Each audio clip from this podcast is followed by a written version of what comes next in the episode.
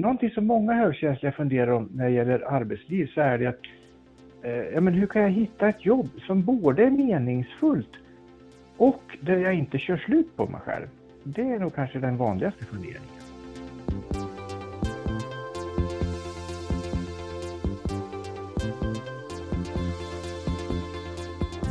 Du lyssnar på HSP-podden med Leverby och Klar.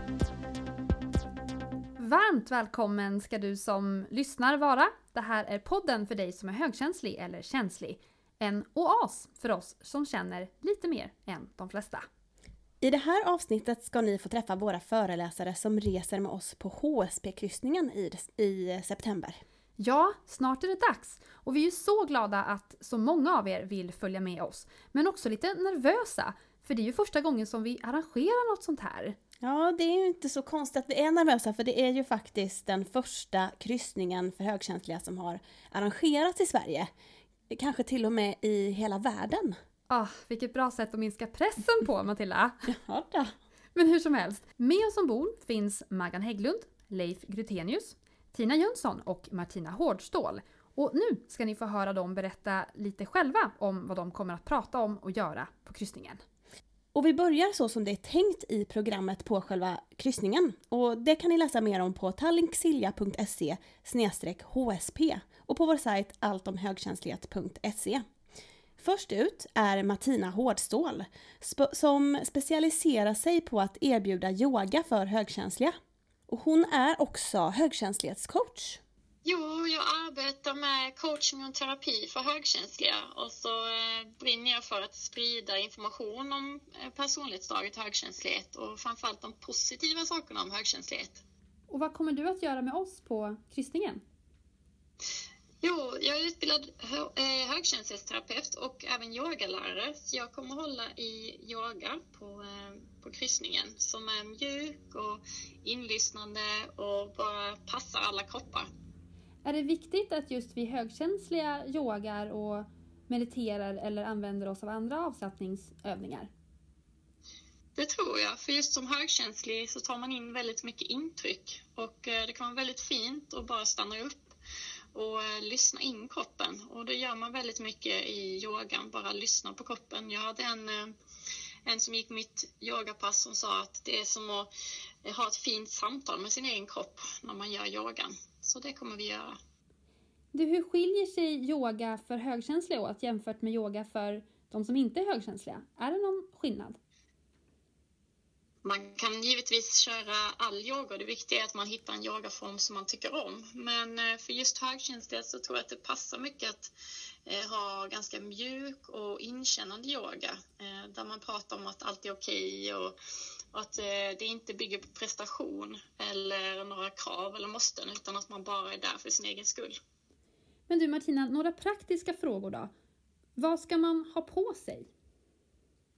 Ja, du kan egentligen ha på dig precis vad du vill, men eh, det viktiga är att det är mjuka kläder som du trivs i och eh, vi kommer inte köra så hårt så att man blir svettig eller så här, så att man kan ha de kläderna precis som man tycker om och ja, trivs helt enkelt. Så man behöver inte duscha och byta om efteråt? Det behöver du inte. Du kan givetvis göra det om du känner för det, men eh, det behöver du inte utan du kan ha dina vanliga kläder. Och ska man ha med sig sin egen matta? Ja, det vore jättebra. Eftersom vi blir väldigt många på kryssningen så är det fint om alla kan ha med sina egna mattor. Så det hade underlättat för oss. Till sist, vad ser du mest fram emot på kryssningen? Och jag ser fram emot att träffa en massa högkänsliga personer och bara prata och lära känna nya människor och sen eh, gå på föreläsningar och, och, bara hålla yogan och ja, det ska bli jättekul. Martina, tack för att du tog dig tid så ses vi ombord. Tusen tack, ha det bra! Så, efter yogan, som vi alltså gör lugnt och försiktigt i mjuka kläder, vi behöver alltså inte duscha efteråt, så det är dags för Matilda och mig att podda. Men oss känner ni ju redan, så nu ska vi höra från Maggan Hägglund. Hon har ju varit en återkommande gäst här i podden som en av författarna till boken Drunkna inte i dina känslor. Den skrev hon ju tillsammans med Doris Stalin och det är boken som lett fram till att många har upptäckt sin starkskörhet, som de kallar det. och hon ska berätta vad föreläsningen kommer att handla om. Jag kommer att berätta om dels hur jag själv upplevde att jag hade, var, hade den här högkänsligheten och framförallt så kommer jag berätta om hur Doris och jag tillsammans eh, kom på det här att ska vi inte skriva en bok om det här? Ska vi inte skriva en bok som vi hade behövt förut? Precis. När vi var yngre, när vi inte förstod, när vi trodde det var fel på oss och varför är vi så här och varför kan inte vi vara så normala? ja, och då bestämde vi att vi skulle skriva den boken och sen så fick ju den ett genomslag som vi inte alls hade väntat. Att det var så många som skulle känna igen sig. Det hade vi inte trott. Så det kommer jag berätta om och, och eh, min egen resa och eh, reaktioner på boken, vad jag tycker är de bästa råden jag kan ge och vad som har hjälpt mig att eh, ha, dra nytta av den här begåvningen och att också hantera den. Hur brukar publiken reagera på din berättelse? Att de känner igen sig och att de är så här, nej men oj, tänk att det inte bara var jag. Tänk att det inte bara var jag, tänk, då är det inte mig det är fel på, jag som har trott. Vi har fått väldigt starka reaktioner från olika som har läst oss och hört oss. Och, och det var bland annat en, en man, så han var 77 tror jag, eller någonting sånt, de skrev att tänk om det här kunskapen hade fått funnits när jag var barn. Nu sa de bara att jag var tokig. Men eh, nu ska jag börja ett nytt liv. Ja, det är väl aldrig Ja. för sent? Nej, det är aldrig för sent. Hur lång är föreläsningen?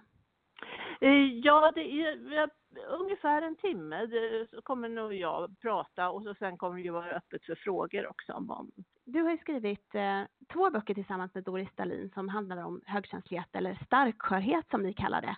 ja. Kommer det finnas möjlighet att eh, köpa böckerna på båten? Ja, jag tar med mig pocketvarianter av de böckerna så det finns möjlighet att eh, köpa det till ett bra pris. Vad roligt. Tack så jättemycket Ja. Maggan. Tack så mycket du. Tack. Så ses vi ombord. Då ses vi ombord. Det ska bli Ja. spännande. Ja, nej, men det- blir jätte, jättespännande ska det bli. Ja, och se vilka som kommer och, och liksom just sådär när man samlas och är eh, tillsammans då, liksom vilka upp, samtal som uppstår och sådär.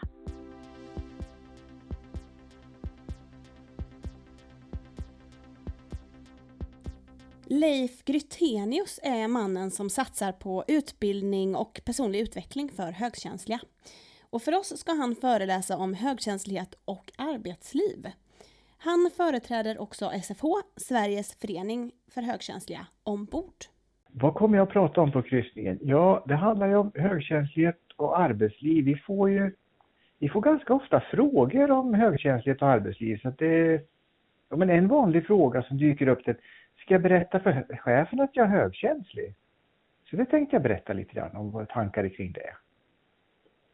Vad är det första som högkänsliga brukar fråga dig eller berätta om när du möter dem i ditt arbete? Åh, eh, det första som jag kan säga så är att medvetenheten under, säg, under 2018 så hände det någonting. Oerhört många mera känner till begreppet nu, vilket jag tycker är jättekul. Så att göra tidigare så var det mer att jag fick berätta mer om vad högkänslighet var.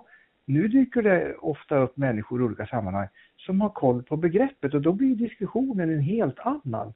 De funderar om då mer att, ja men så det här att ska jag berätta för chefen eller vad har du för tips? Hur kan man Någonting som många högkänsliga funderar om när det gäller arbetsliv så är det att eh, ja, men hur kan jag hitta ett jobb som både är meningsfullt och där jag inte kör slut på mig själv? Det är nog kanske den vanligaste funderingen. Varför är jobbet eller sysselsättningen så viktig för oss högkänsliga, tror du? Mm. Det finns ju mycket forskning som inom andra områden där eh, arbetsliv, mission, ja men det är en av de tre pusselbitar vi behöver för att må bra i livet. Så där ser jag ju stora likheter.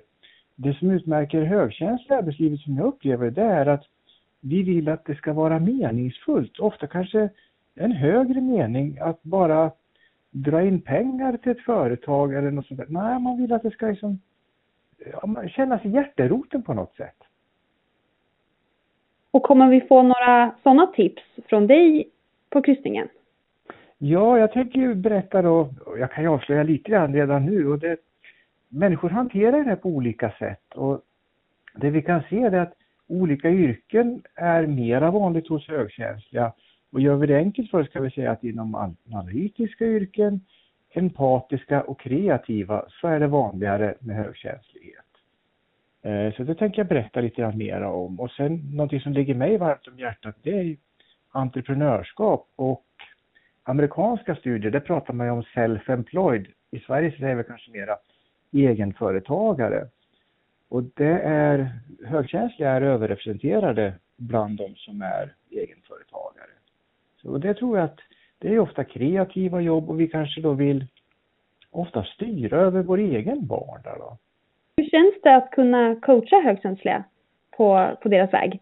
Oh, ja men det är ganska festligt tycker jag. Det är, det är en krokig väg och vi startar ju Ja, men människor startar ju på väldigt olika ställen. Jag har jobbat under många, många år med att hjälpa arbetslösa. Och där har det visat sig att bland de arbetslösa, där är också högkänsliga eh, ja, men väldigt överrepresenterade. Det här är inte någon forskning utan jag har gjort egna undersökningar. I vanliga fall så är det kanske en av fem som är högkänslig. Om jag gör det lite enkelt så kan man säga att det är en av fem. Men i de grupper som jag har jobbat med arbetslösa har det visat att det är det omvända. Det är fyra av fem som är arbetslösa. Och vad det här kommer sig och om det stämmer i större skala, det vet jag inte. Men eh, det jag kunnat se i de sammanhangen så är det att när, när de har förstått att jag har känt till begreppet högkänslighet så har de blivit otroligt glada att de har liksom öppnat upp och kunnat liksom, åh vad skönt, någon som förstår mig. Det har liksom varit kanske den tydligaste grejen. Några praktiska frågor då? Mm. Behöver resenärerna förbereda sig inför din kryssning på något, eller inför din föreläsning på något sätt? Oh, vilken bra fråga. Högkänsliga vill ju sällan ha stora överraskningar utan vill ha förberett sig. Och det skulle i så fall vara att eh, ja, men jag tycker om att föreläsa på så sätt att involvera publiken, att de gärna får skicka, sina, skicka in sina frågor på något sätt. Det beror på hur mycket tid vi får, men ofta så kanske jag använder kanske ja, men halva tiden. Först berättar jag lite grann om ämnet och sen då, eh, ofta har jag kört en liten paus, bensträck och sen då så jobba med publikens frågor. Så det är att klura ut, ja men vad har jag för funderingar som, vad, vad tränger i mitt hjärta? Så att ta med frågor och funderingar. Sen beror det på hur mycket tid kommer vi att få på båten till det här då? Det ska vi prata om tänkte jag efter eh, intervjun. Efter intervjun, vad härligt. Ja. ja. Så det är ju då, jag kommer att titta då på så att låt, ta gärna med dina egna frågor och funderingar och så gör vi vad vi kan för att besvara ju fler dess bättre utav frågorna och funderingarna. Kan man bli medlem i SFH på båten via dig? Ja, ja. Jag har ju tidigare suttit i styrelsen för SFH, alltså Sveriges förening för högkänsliga. Och eh, planen är att jag ska ha med broschyrer både om högkänslighet och högkänsliga barn. Och då kan man, där, där står det hur man då blir medlem i högkänslighetsföreningen. Men du Leif, då ses vi ombord. Ja men det gör vi, skepp ohoj! Alltså jag har ju sagt det förut och jag säger det igen. Jag har ju varit på en av Tina Jönssons föreläsningar där hon berättar om sin högkänsliga resa. Och det är ju kanske den jag minns mest av alla det brukar väl vara lite så att personliga berättelser, de eh, tränger in i en lite, lite längre. Ja, men också för, alltså det var ju, kanske för att jag själv hade fått reda på att jag är högkänslig. Men också för att hon pratade om så mycket som man kände igen sig i. Det var som att hon fick med sig alla i publiken. Och det blev så mycket skratt och så mycket humor. Gud vad härligt. Jag ser verkligen fram Jag har aldrig träffat Tina eller sett någon av, av hennes föreläsningar så att jag är supertaggad på att få höra hennes föreläsning. Ja men det förstår jag, för hon bjuder ju verkligen på sig själv. Hej Tina! Hej! Nu vill vi veta mer om din föreläsning. Kan du berätta? Ja, det kan jag göra. Eh, jag kommer prata väldigt mycket utifrån styrkor och svagheter som vi har som högkänsliga. Ja. Och eh, vilka fallgropar som vi kan landa i och hur vi ska ta oss över och förbi de fallgroparna. Eh, men då har jag faktiskt tänkt att använda mig utav ett verktyg som jag kallar för livslinjen. Och då får man själv, det kanske man inte ska göra under föreläsningen just, men man får inputs hur man ska använda sig av det här verktyget. Och då går man igenom sina livserfarenheter med positiva och negativa erfarenheter. Och utifrån den eh, livslinjen som man får fram så kan man tolka om man har legat i en repellerande eller en attraherande energi. Jaha, vad är det för skillnad på, på, på de två energierna? Eh, den repellerande det är ju att man utgår ifrån eh, negativt tänk, alltså att man reagerar i en negativ eh, form till det man möter. Man tar illa vid sig, man kanske börjar slå på sig själv på ett, helt, på ett sätt. Då. Okay. Och sen attraherande, det är ju faktiskt att du, du, blir, du får en, en, en positiv upplevelse utav det du möter i första läget. Och det här, den här livslinjen då, den kan visa lite grann på vad har jag i mitt liv upplevt mest utav? För det har nämligen lagt en grund till ditt förhållningssätt. Och varför är det bra att ta reda på det här? För att eftersom vi som högkänsliga tar in så mycket intryck eh, och vi kan ju bli då lite överväldigande i detta och då är det bra att ha en liten hum om eh, ditt utgångsläge. Hur, hur är det jag tar in intrycken? Är det så att jag tar in det utifrån ett negativt perspektiv eller är det så att jag tar in det utifrån ett pers eh, positivt perspektiv då? Så kommer vi få verktygen av dig då hur vi ska gå vidare efter att ha ja, fått reda på det här? Mm. Ja, och jag kommer prata om eh, hur man ska fylla i det här hjulet också då. Just det. Ja. Det är någonting som du delar ut till deltagarna ja. eller? Som man får fylla i i princip, eller hur funkar det? Ja, ja det blir eh, antingen om du ritar på ett papper eller hur du nu vill lösa uppgiften då, men eh, verktyget kommer ju bli synligt när, under föreläsningen då. Du tror att högkänsliga fyller en funktion på jorden? ja, det gör jag. hur, hur, menar du då? Jo, då menar jag så här att eh, högkänsliga personer är rustade med sin högkänslighet för att eh, från urminnes tider då så har vi varit eh, personerna som har varit ledaren i flocken. Okay. Så att vi är egentligen, det här är min fullständiga övertygelse, Eh, vi är egentligen en ledarfigur men så som det är uppbyggt i samhället idag så blir vi väldigt eh, blockerade, vi blir instängda i en box och då kan vi inte ta den här ledarrollen vilket gör att vi känner en frustration i detta då. Alltså de högkänsliga personligheterna, Eh, de är oerhört bra att vara och verka som eh, frontfigurer. Kommer vi få höra något om din egna högkänsliga resa? På båten? Ja, den byggs ju in i eh, till exempel då om jag, när vi drar livslinjen där, så kommer jag lägga lite perspektiv utifrån min egna livsresa och hur jag har använt mig utav högkänsligheten då. Och där i också kommer det kanske bli lite synligt att vi får vissa erfarenheter för att vi ska ha den här erfarenheten, för att vi ska lära någonting av dem så att vi kan bli bra, bra ledare. Okej. Vad spännande. Tack så mycket mm. Tina. Ja, varsågod. Nu har ni fått veta mer om vad ni kan förvänta er av kryssningen och också fått höra en röst på dem som följer med oss. Någon som inte följer med, men som alltid är med oss i tanken såklart när vi gör våra avsnitt, det är ju vår favoritpoet Bertil Monegrim. En fjäril, mitt vackraste minne du är, där du fladdrar bort i vinden. Över åkrar och fält det bär och jag vill smeka dig på kinden. Din skönhet ger ljus i mitt hjärta och min blick följer dig på färden. Då känner man varken sorg eller smärta. Du visar att livet har andra värden. Glöm inte att prenumerera på oss i iTunes och betygsätt oss gärna så att fler hittar till vår podd. Och följ oss på Facebook och Instagram, där heter vi HSP Leverby Klar. Nu säger vi tack och hej för den här gången. Hej då! Har du alltid känt att du är snabbare än de flesta i din omgivning? Eller känner du tvärtom att du verkar ta längre tid på dig än andra? I nästa avsnitt pratar vi högkänslighet och tempo, extroversion och introversion. Lyssna då!